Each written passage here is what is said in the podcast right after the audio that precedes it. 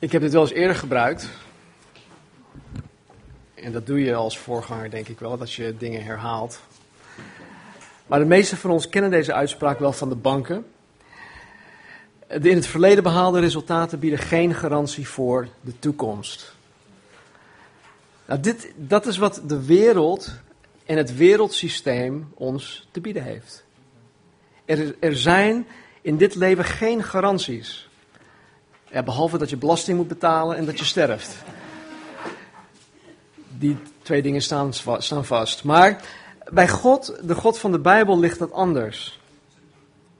God garandeert alles dat hij zegt. God garandeert alles dat hij belooft. Oftewel, alles dat God zegt dat gebeuren gaat, gaat ook daadwerkelijk gebeuren.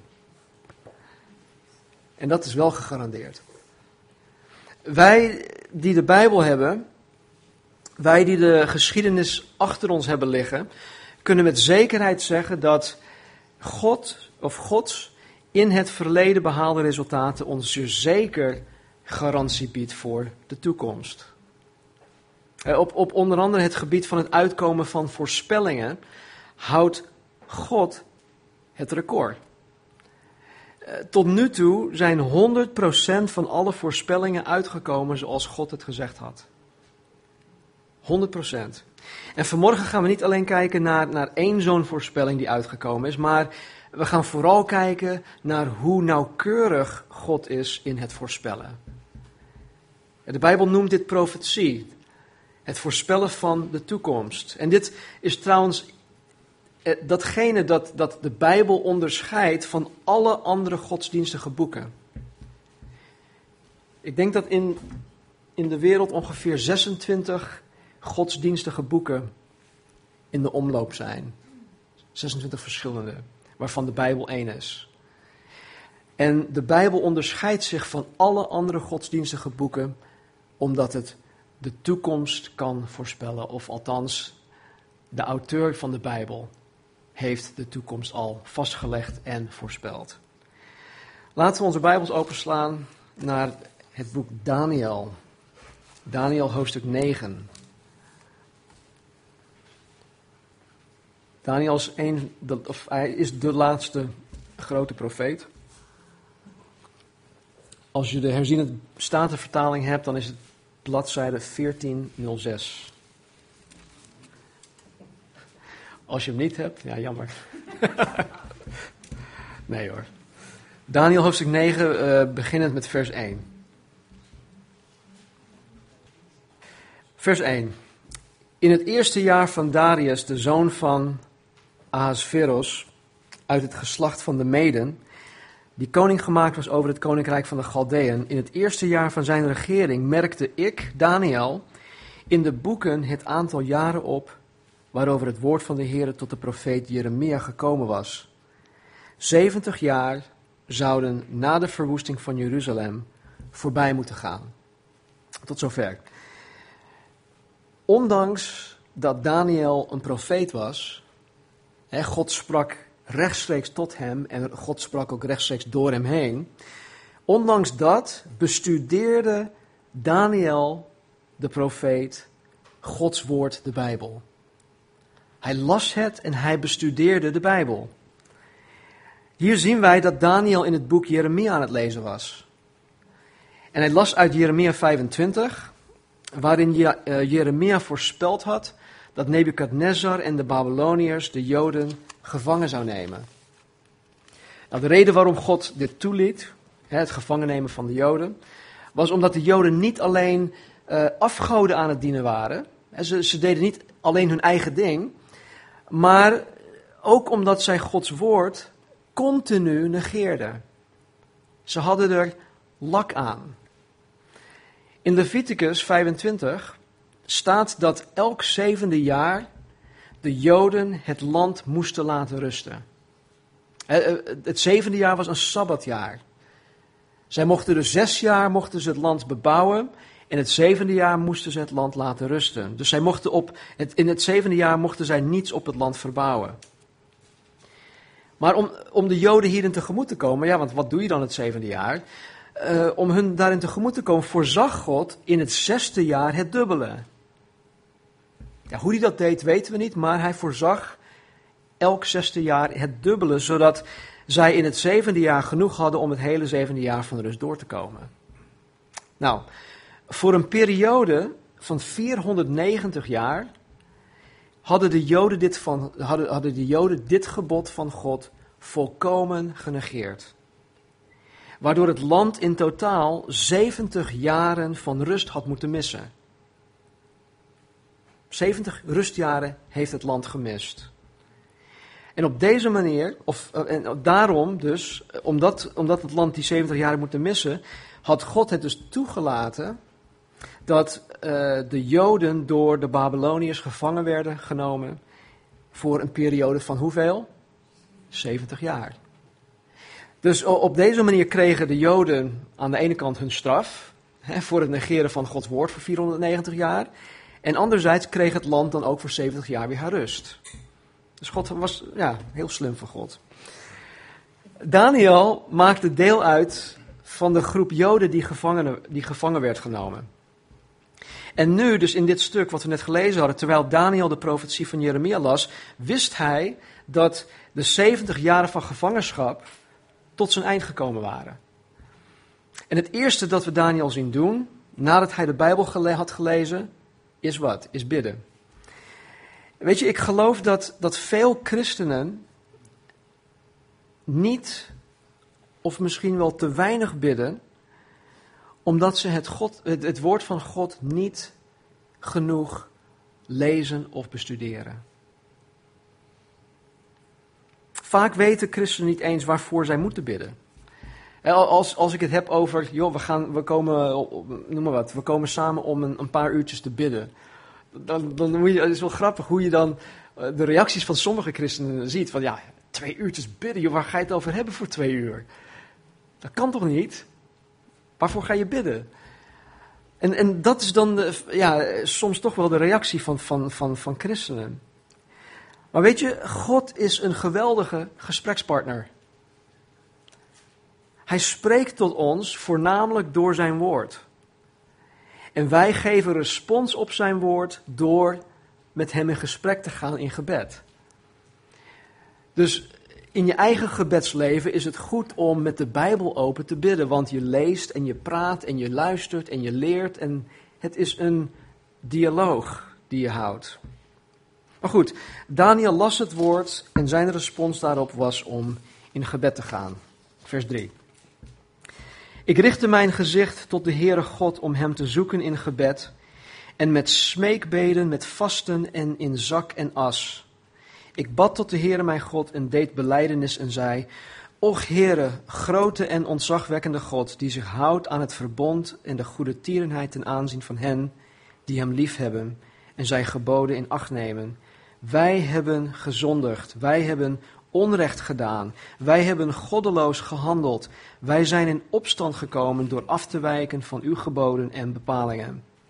Wij hebben niet geluisterd naar uw dienaren, de profeten die in uw naam spraken tot onze koningen, onze vorsten, onze vaderen en tot heel de bevolking van het land. Bij u, heren, is de gerechtigheid, maar bij ons de schaamte op het gezicht.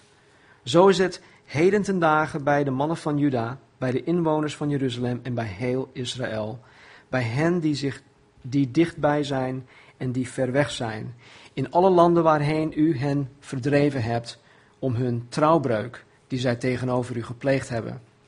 Heren, bij ons staat de schaamte op het gezicht, bij onze koningen, bij onze vorsten, bij onze vaderen, omdat wij tegen u gezondigd hebben. De Heere onze God is vol barmhartigheid en menigvuldige vergeving, hoewel wij tegen hem in opstand zijn gekomen. We hebben niet geluisterd naar de stem van de Heere onze God, om volgens zijn wetten te wandelen, die hij ons gegeven heeft door de hand van zijn dienaren, de profeten.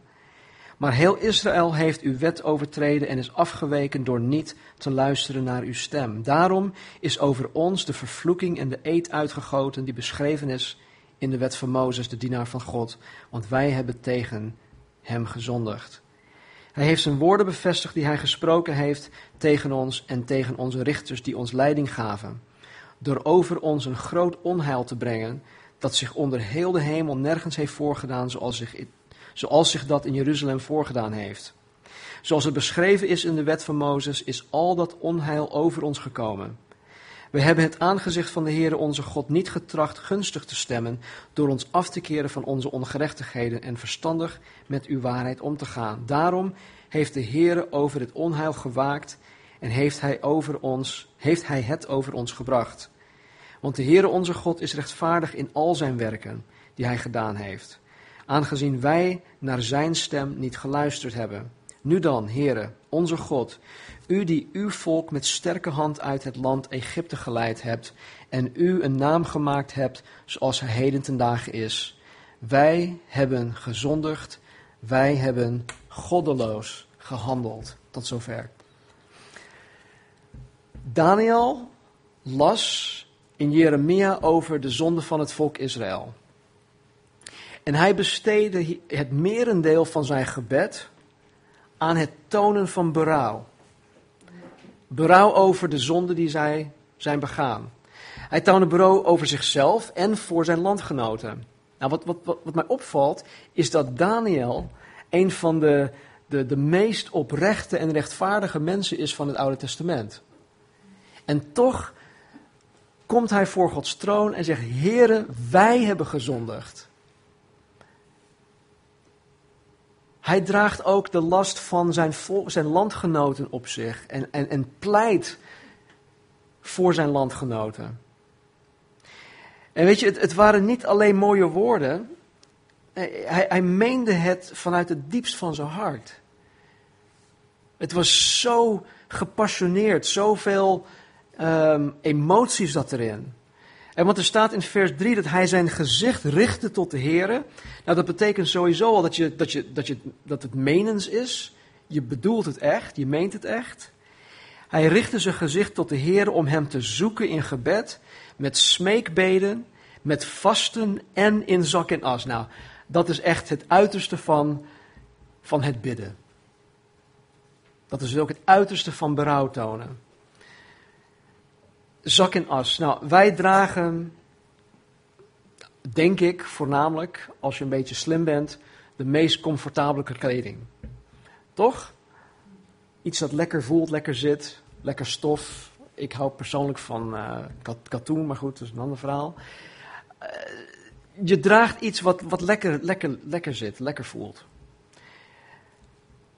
de zak waarover hij het heeft, dat, dat, dat, dat is een, een, een zak of het is kleding gemaakt van ja, de verschillende dingen, maar in vele gevallen van kamelenhuid of kamelenhaar. En die haren die zitten dan aan de binnenkant van de stof. Dat is niet fijn. Het scheurt, het prikt, het irriteert. En het geeft aan dat hij dus echt, um, hij voelt zich echt zwaar slecht. En dat geeft hij ook aan door in zak en as te zitten. Hoe vaak ben ik, of hoe vaak zijn wij in ons hart zo bewogen door onze zonde? Dat wij met smeekbeden onze gezichten tot de, tot, tot, tot de Here richten. Dat wij in zak en as zitten en pleiten voor onszelf en ook voor de mensen die God op ons pad hebt gebracht. En wat ik ook zie in dit stuk is dat Daniel zichzelf en het volk geen zins probeert te rechtvaardigen.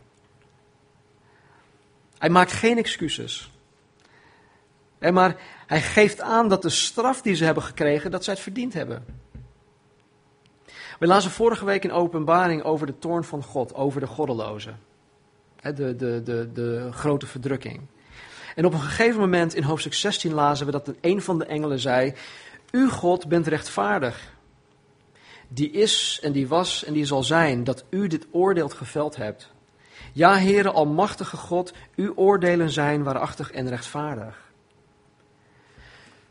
Weet je, wij als christenen, wij, wij, ik, ik geloof dat wij allemaal volwassen willen worden in ons geloof. Maar een van de dingen, twee van de dingen die echt cruciaal zijn in het volwassen worden als christen is één, is dat wij erkennen dat wij zondig zijn. Niet dat wij denken dat wij beter zijn dan anderen en, en dat we niet zo zondig zijn. Hè? Een soort van self-righteousness, dat, uh, eigen rechtvaardigheid. Maar dat wij dus gewoon erkennen van, joh, ik ben zondig, ik ben gebroken. Ik ben niet beter dan wie dan ook. Dat is één. En het andere is, wij, wij, wij moeten gaan erkennen dat God alleen maar het goede, het juiste en het rechtvaardige doet. God speelt niet met ons.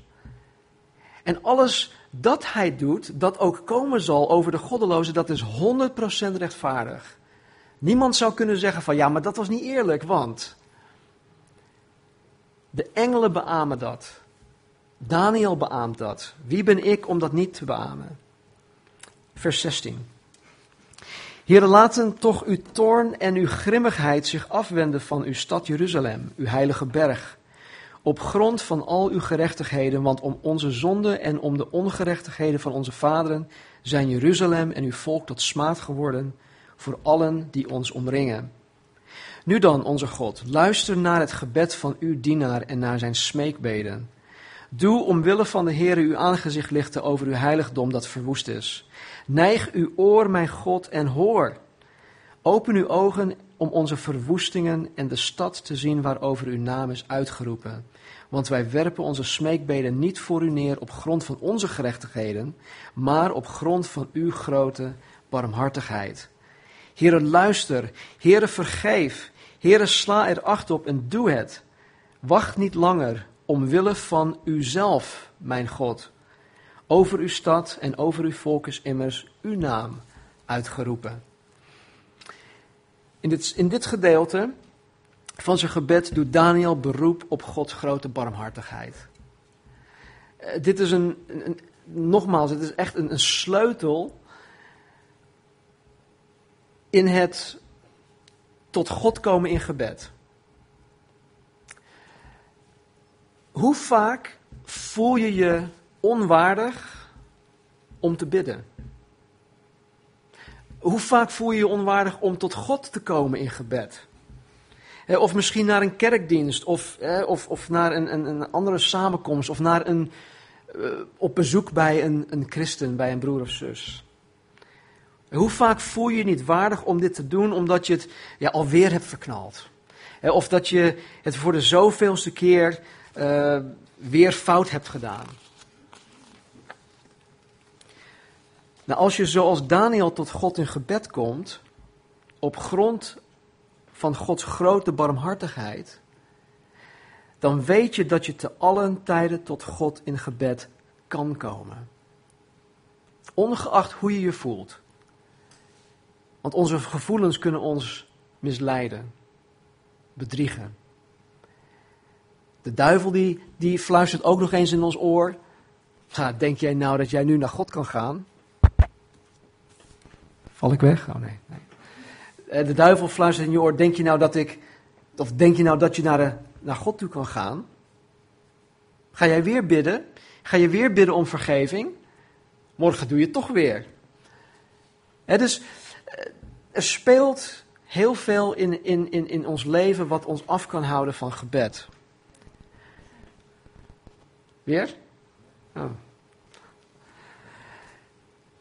Dus laat je emoties en laat de duivel je niet weerhouden van het tot God komen in gebed of in de kerkdienst of op een donderdagavond of in de youthgroup, whatever. Nou, in vers 20 gebeurt het echt. Terwijl ik nog sprak en bad en beleidenis deed van mijn zonde en van de zonde van mijn volk Israël, in mijn smeekbeden uitstortte voor het aangezicht van de Heere mijn God, omwille van de heilige berg van mijn God, terwijl ik mijn gebed nog uitsprak, kwam de man, oftewel de engel Gabriel, die ik in het begin in het visioen gezien had, snel aangevlogen en raakte mij aan, omstreeks de tijd van het avondoffer. Wat mij hier opvalt, is dat hij is aan het bidden. Gabriel komt in een visioen naar uh, Daniel toe. En in het gebed raakte hij Daniel aan. Omstreeks de tijd van het avondoffer. Nou, Er was op dat moment geen avondoffer. Hij zat in Babylon. Hij diende daar een andere koning. Hij mocht zijn godsdienst niet uitoefenen. Er was geen tempel om het avondoffer te brengen. Maar zo, zo zie je dat Daniels hart nog steeds in het heiligdom zat. Hij, hij was nog steeds bezig met God en het dienen van God in zijn hart, ondanks dat hij niet op de plek van uh, zijn godsdienst kon zijn. Was hij in zijn hart en in zijn doen en laten, in zijn denken nog steeds bezig met het uitoefenen van zijn godsdienst. En deze zei tegen Daniel, of hij zei, hij begon mij te onderwijzen en sprak met mij. Hij zei, Daniel, nu ben ik erop uitgegaan om u de betekenis te doen begrijpen. Bij het begin van uw smeekbeden is er een woord uitgegaan. En nu ben ik zelf gekomen om u dat te vertellen. Want u bent zeer gewenst of u bent zeer geliefd, u bent de geliefde. Begrijp dan dit woord en krijg inzicht in het visioen. Oh, er zit, er zit zoveel in, in, in dit stuk. Um, nou, we hebben geen tijd. Hier zien wij hoe God in en door gebed werkt. Naar aanleiding van het bestuderen van de Bijbel in Jeremia kwam Daniel tot God in gebed en hij sprak over de 70-jarige ballingschap. En tijdens zijn gebed gaat er een woord uit vanuit de hemel. Gabriel krijgt het woord mee en hij zegt, en, en hij krijgt de opdracht, ga naar Daniel toe en geef hem dat woord. En het woord dat hij krijgt, of dat Daniel krijgt, is, dat gaat over iets veel groter dan, de, dan, dan, dan waar hij in eerste instantie over aan het bidden was. Hij was aan het bidden over de 70-jarige ballingschap. Nu komt Gabriel met een bericht over de gehele profetische toekomst van Israël. En zo is het vaak ook wanneer wij bidden. Wij komen tot God in gebed over bepaalde zaken die ons bezighouden. En we komen niet tot, met, hè, tot God in gebed over benullige dingen. Alles wat wij tot God bidden is voor ons belangrijk. En zo, zo ziet God dat ook. Maar terwijl wij aan het bidden zijn, dan laat God ons dingen zien die, die van veel groter belang zijn. Als je echt aan het bidden bent. Niet nog even snel een schietgebedje voordat je gaat liggen, want dan val je toch in slaap. Maar als je echt aan het bidden bent, dan, dan, dan spreekt God tot je. En vaak spreekt Hij over veel grotere en belangrijkere dingen dan waar je in, in eerste instantie naar Hem toe voor bent gekomen. En het gevolg daarvan is dat wij uit ons gebed gaan komen met een totaal andere kijk op dingen.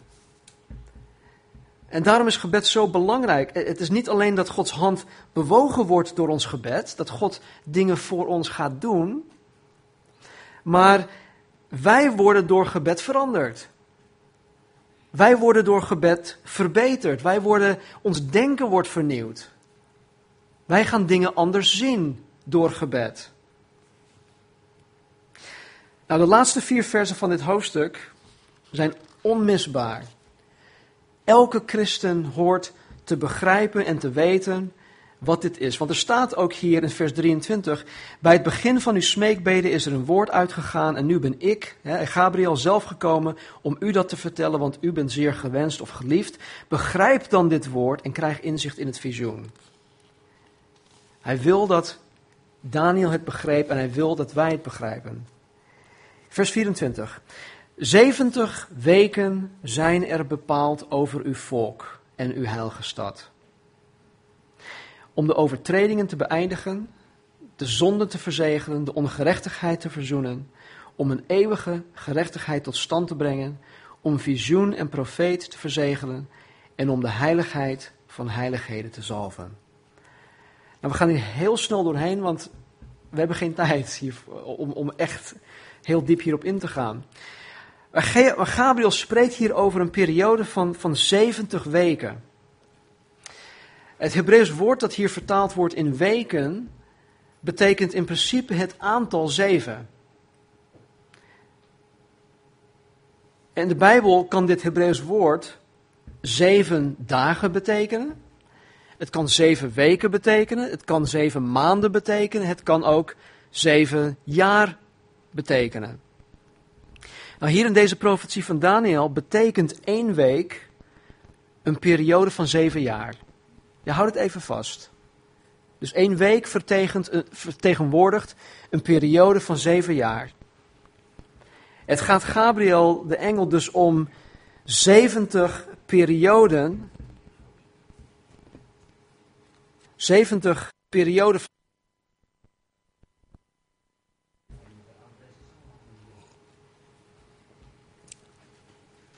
Het gaat Gabriel om 70 perioden van 7 jaar. Dus 490 jaar in totaal. Ja? Is dat nog te volgen? Oké. Nou, in dit vers spreekt Gabriel over de omvang van deze profetie. En het heeft betrekking op de gehele toekomst van Israël tot aan de wederkomst van Jezus Christus wanneer hij zijn duizendjarig rijk hier op aarde vestigt. Vers 25. U moet weten en begrijpen. Nou, dat zijn woorden die voor ons ook gelden. God wil dat wij weten en begrijpen wat Hij van plan is. God wil dat wij weten en begrijpen wat Hij gedaan heeft, wat Hij wil, wat Zijn woord zegt, al dat soort dingen. God wil dat wij weten en begrijpen. En hij zegt, u, Daniel, moet weten en begrijpen vanaf de tijd dat het woord uitgaat om te laten terugkeren en om Jeruzalem te herbouwen, tot op Messias de vorst verstrijken er 7 weken en 62 weken, dus 69 weken. Pleinen en gracht zullen opnieuw gebouwd worden, maar wel in benauwde tijden. Nou, het gaat hier om, om twee gebeurtenissen. Twee gebeurtenissen die in een periode van 69 weken van 7 jaar zal geschieden. Het is 69 perioden van 7 jaar. Nou, waarom de Heer hier 7 weken en 62 weken heeft gezegd, dat, dat weten we niet precies. Het is ook nergens anders in de Bijbel te achterhalen. Er wordt wel over gespeculeerd dat uh, het zeven weken, oftewel 49 jaar, heeft geduurd om Jeruzalem te herbouwen. Maar ook dat kan niet met 100% zekerheid achterhaald worden. Dus uh, het maakt, ja, we weten het niet. Maar hoe dan ook, het gaat hier om een periode van 69 weken van 7 jaar. En dat is te zien in slide 1. 69 maal 7 is 483 jaar. De eerste gebeurtenis die deze periode van 69 weken zal aftrappen, is het bevel om Jeruzalem te herbouwen. En dat staat dus linksboven. Op het moment dat dit bevel uitgaat, begint de klok te tikken. En dat zien we in slide 2. Uh, ja, de volgende. Ja.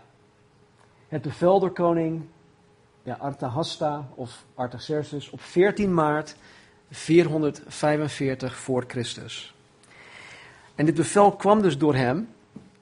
En dat hebben wij, ja, de, de, de, kennis over dit hebben wij te danken aan een zekere Sir Robert Anderson, maar daar kom ik zo meteen nog even op terug. En dan wil ik even naar slide 3 gaan. Want belangrijk om te weten is dat in de Bijbel één jaar bestaat uit 360 dagen. En de Bijbel hanteert een kalender dat bestaat uit 12 maanden van 30 dagen per stuk.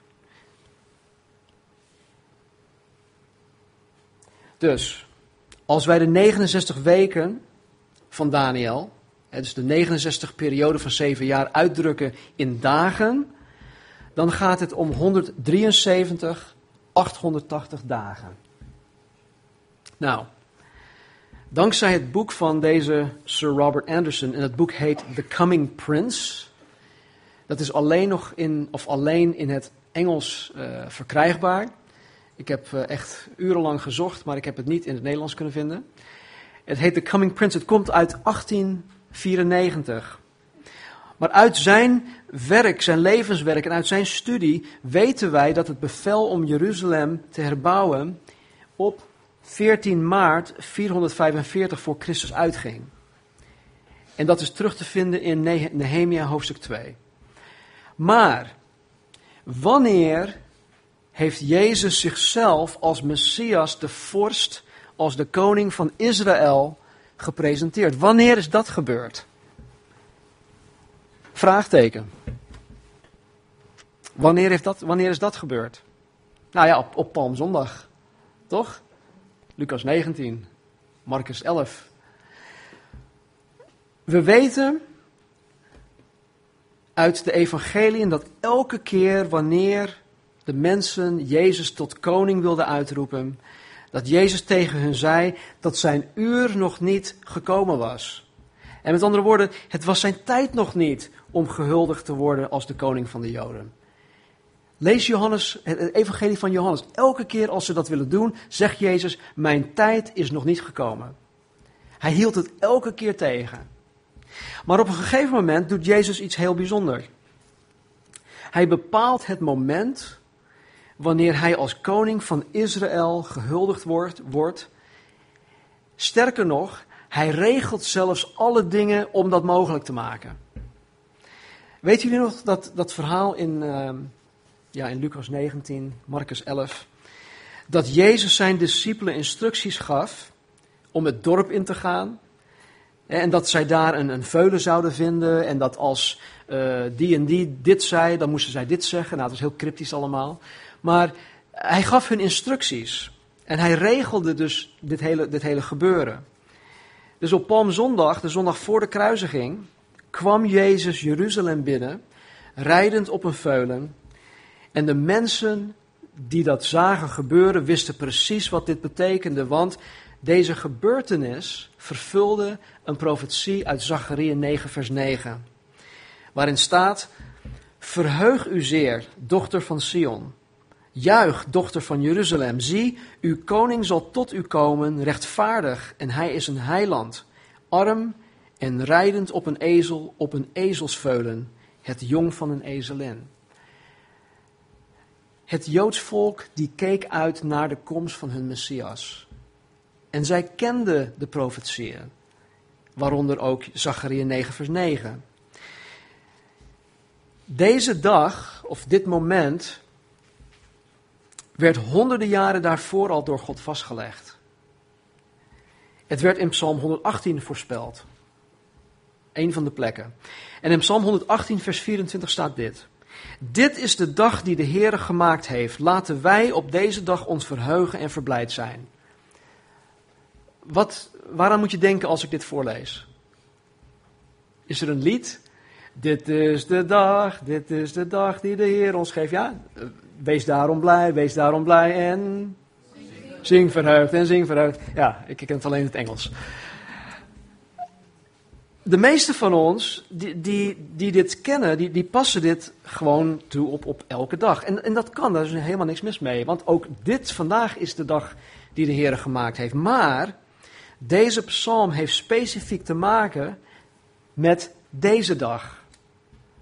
Deze dag wanneer Jezus Jeruzalem binnenkwam als koning, de intocht van Jezus. In de evangelie lezen wij dat wanneer Jezus Jeruzalem binnenkwam, de mensen met palmtakken en met kleding uh, kwamen. Ze legden dat op de grond neer hè, voor Jezus. En wat riepen ze allemaal? Ze riepen Hosanna. Ja.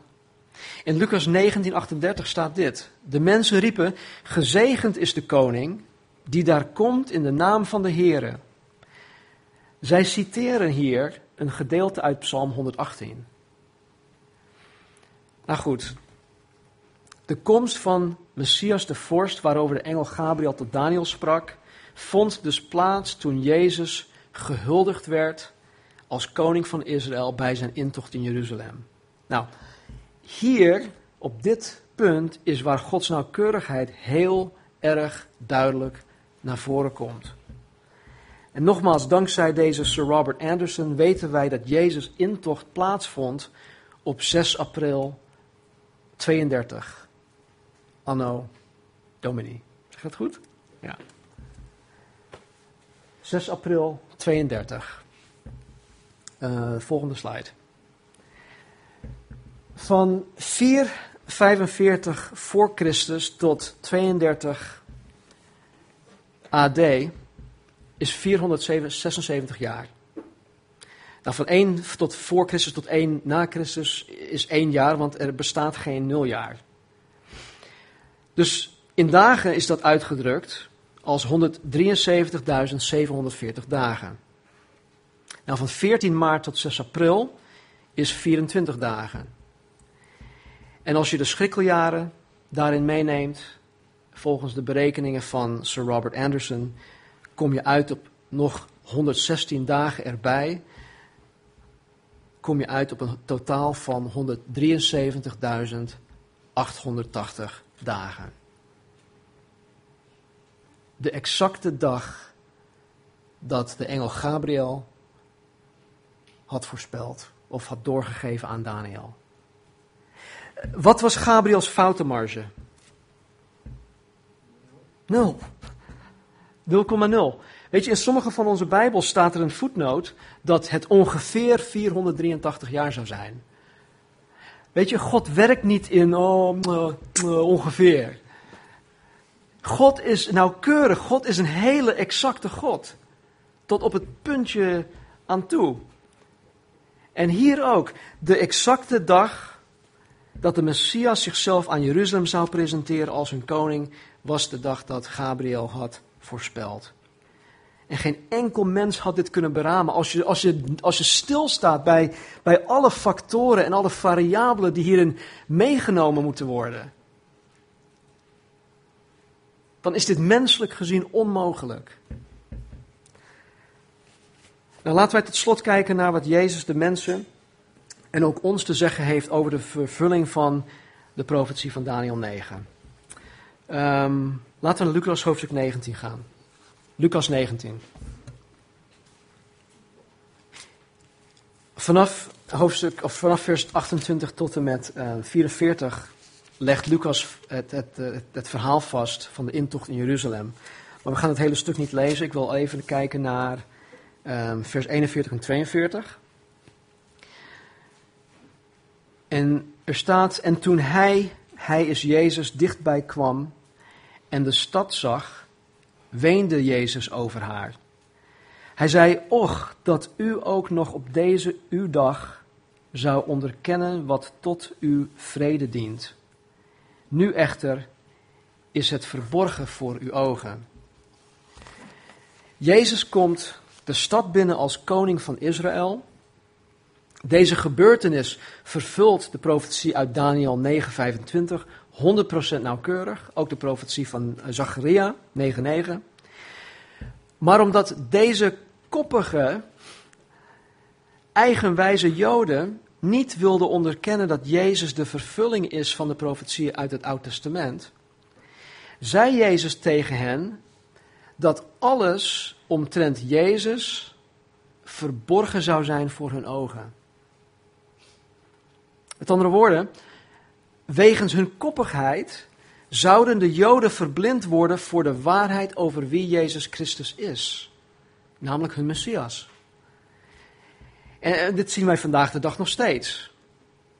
Nationaal Israël herkent Jezus nog steeds niet als hun Messias. Er zijn Messiaanse christenen, Joodse christenen die tot geloof zijn gekomen, maar die zijn net zoals wij ook tot geloof gekomen. Maar het volk, het land, nationaal Israël is nog steeds afvallig. Maar dit zal niet altijd zo blijven. De Bijbel leert ons uh, dat God nog niet klaar is met Israël. En dat zij op een door God bepaald moment tot Hem terug zullen keren en Jezus als hun Messias zullen aannemen.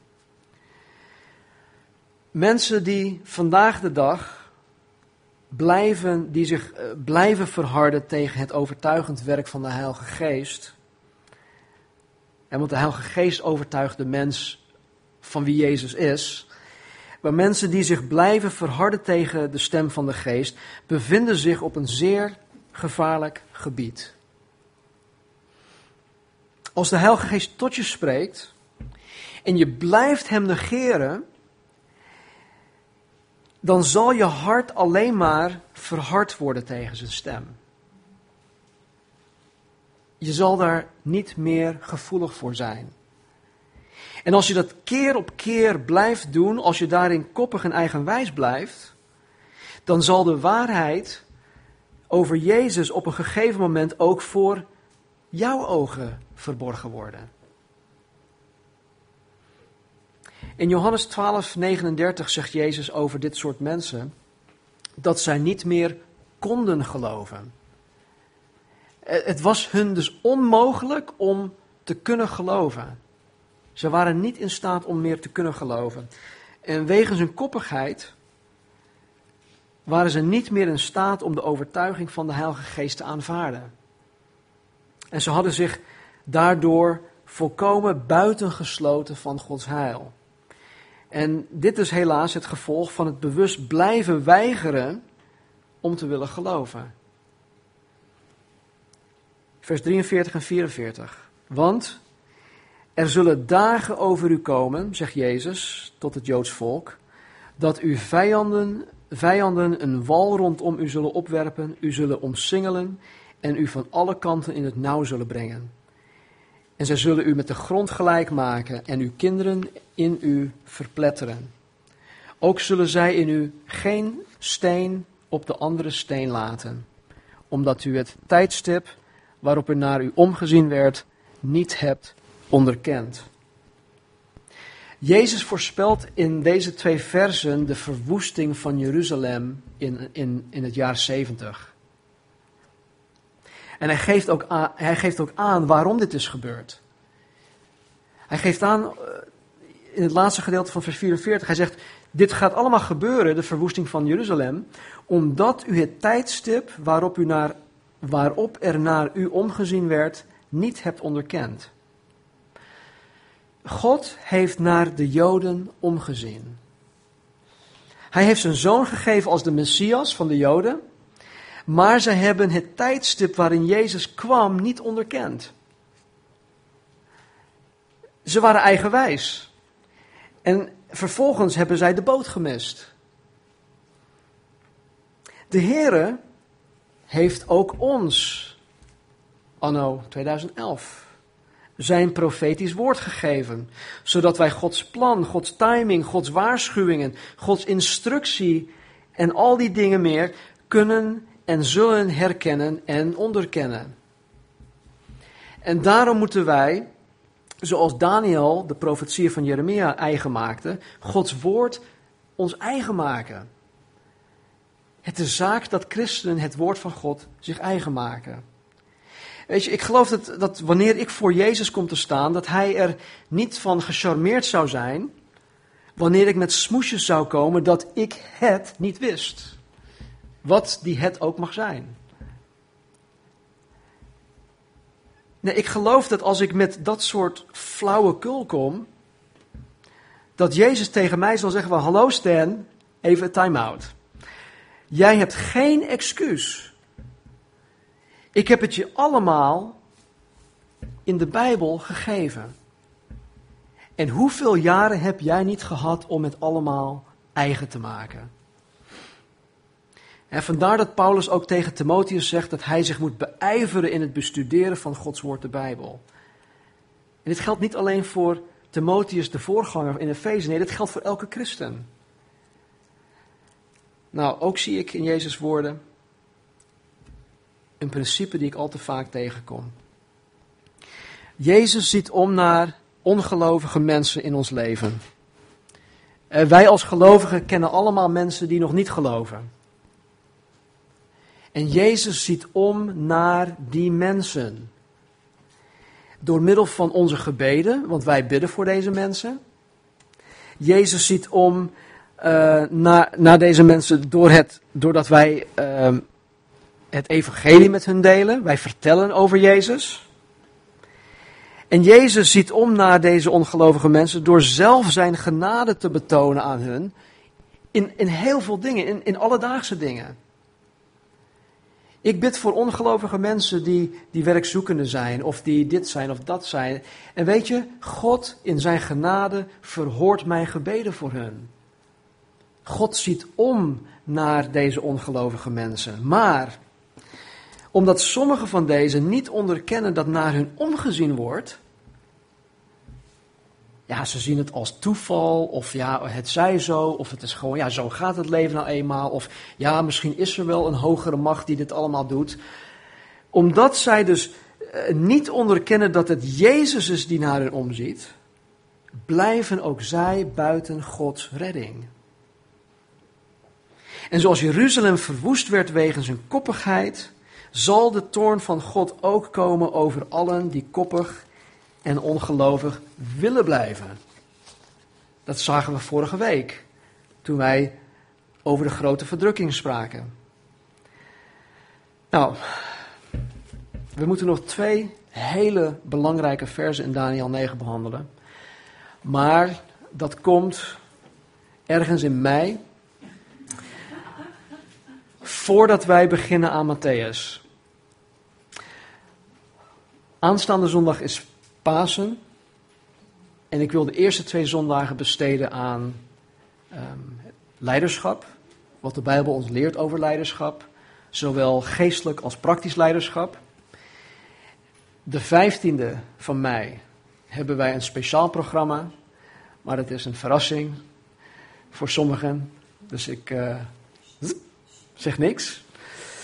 Um, en daarna wil ik dan um, Daniel 9 afmaken, want we hebben het vandaag nog steeds maar over, of al, alleen nog maar over 69 weken gehad. We hebben het nog niet over de 70ste week gehad. En dat is heel belangrijk. Dus um, dat komt later. Maar voor nu, voor vandaag. Hoe sta jij op dit moment tegenover Jezus? Volg je hem na? Eh, of sta je letterlijk tegenover hem? Dat kan ook. We begonnen vanmorgen met de wereldse manier van doen, waarin de in het verleden behaalde resultaten geen garantie bieden voor de toekomst. Maar we zagen dat God 100% nauwkeurig zijn woord vervult. Dus alleen maar aan de hand van zijn, zijn ja, hoe noem je dat, track record, eh, wat hij al gedaan heeft, zijn, zijn prestaties tot nu toe, kunnen wij ervan uitgaan dat wat hij zegt ook gaat doen. Ook toekomstig. Dit geldt voor de toekomstige toorn, maar nog belangrijker, en dit is vandaag denk ik het allerbelangrijkst, dit geldt ook voor al zijn beloftes. Alles dat God belooft, zal hij ook geven aan degenen die hem ernstig zoeken. God is getrouw. Hij is te vertrouwen. Hij heeft alleen maar het beste voor ons voor ogen. Niet het goede, nee, God heeft het beste voor ons voor ogen. Het goede is al heel goed. En soms nemen wij genoegen met het goede, terwijl God het allerbeste voor ons voor ogen heeft. Laten we bidden. Heer, ik dank u dat wij uw kinderen mogen zijn. Heer, dat wij het voorrecht hebben om uw woord te kunnen lezen.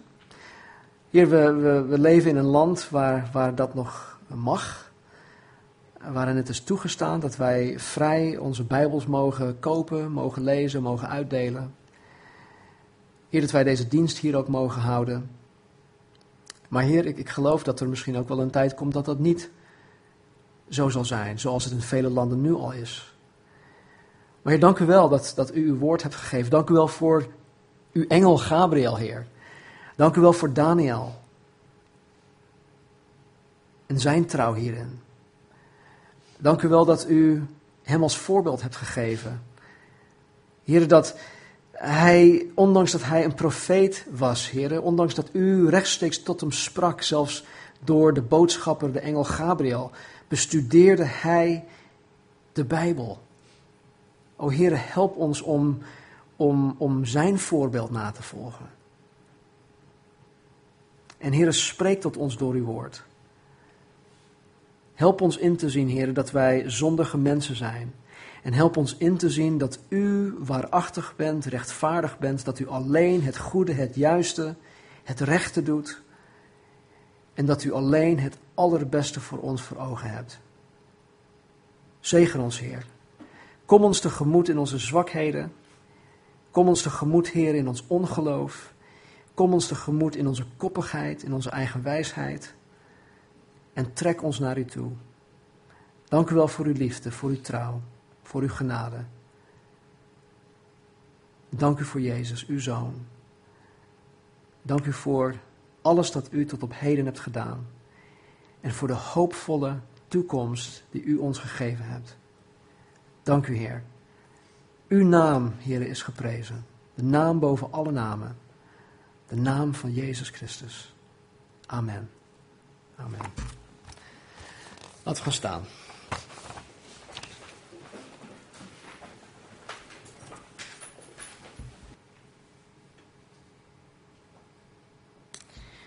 In Romeinen 8 zegt Paulus, tot slot in hoofdstuk 8 eigenlijk, wie zal ons scheiden van de liefde van Christus? Verdrukking of benauwdheid? Of vervolging? Of honger? Of naaktheid? Of gevaar? Of zwaard? Zoals geschreven staat, want omwille van u worden wij de hele dag gedood. Wij worden beschouwd als slachtschapen. Maar in dit alles zijn wij meer dan overwinnaars door Hem die ons heeft liefgehad. Want ik ben ervan overtuigd dat nog dood, nog leven, nog engelen, nog overheden, nog krachten, nog tegenwoordige, nog toekomstige dingen, nog hoogte, nog diepte, nog enig ander schepsel ons zal kunnen scheiden van de liefde van God in Christus Jezus onze Heer. Mensen, ga met die gedachten het leven in. Ga met die gedachten deze week in. En wees bemoedigd. Mocht je gebed willen hebben, mocht er, eh, heb je zoiets van, nou, ik wil echt dat dat voor me gebeden wordt, dan laten we dat na de dienst nog even doen. Maar uh, verlaat deze ruimte alsjeblieft niet zonder dat je weet wie je in Christus bent en wat je allemaal verkregen hebt. Dus wees gezegend en wees een zegen voor elkaar omwille van zijn naam, zoals Daniel ook bad. Amen.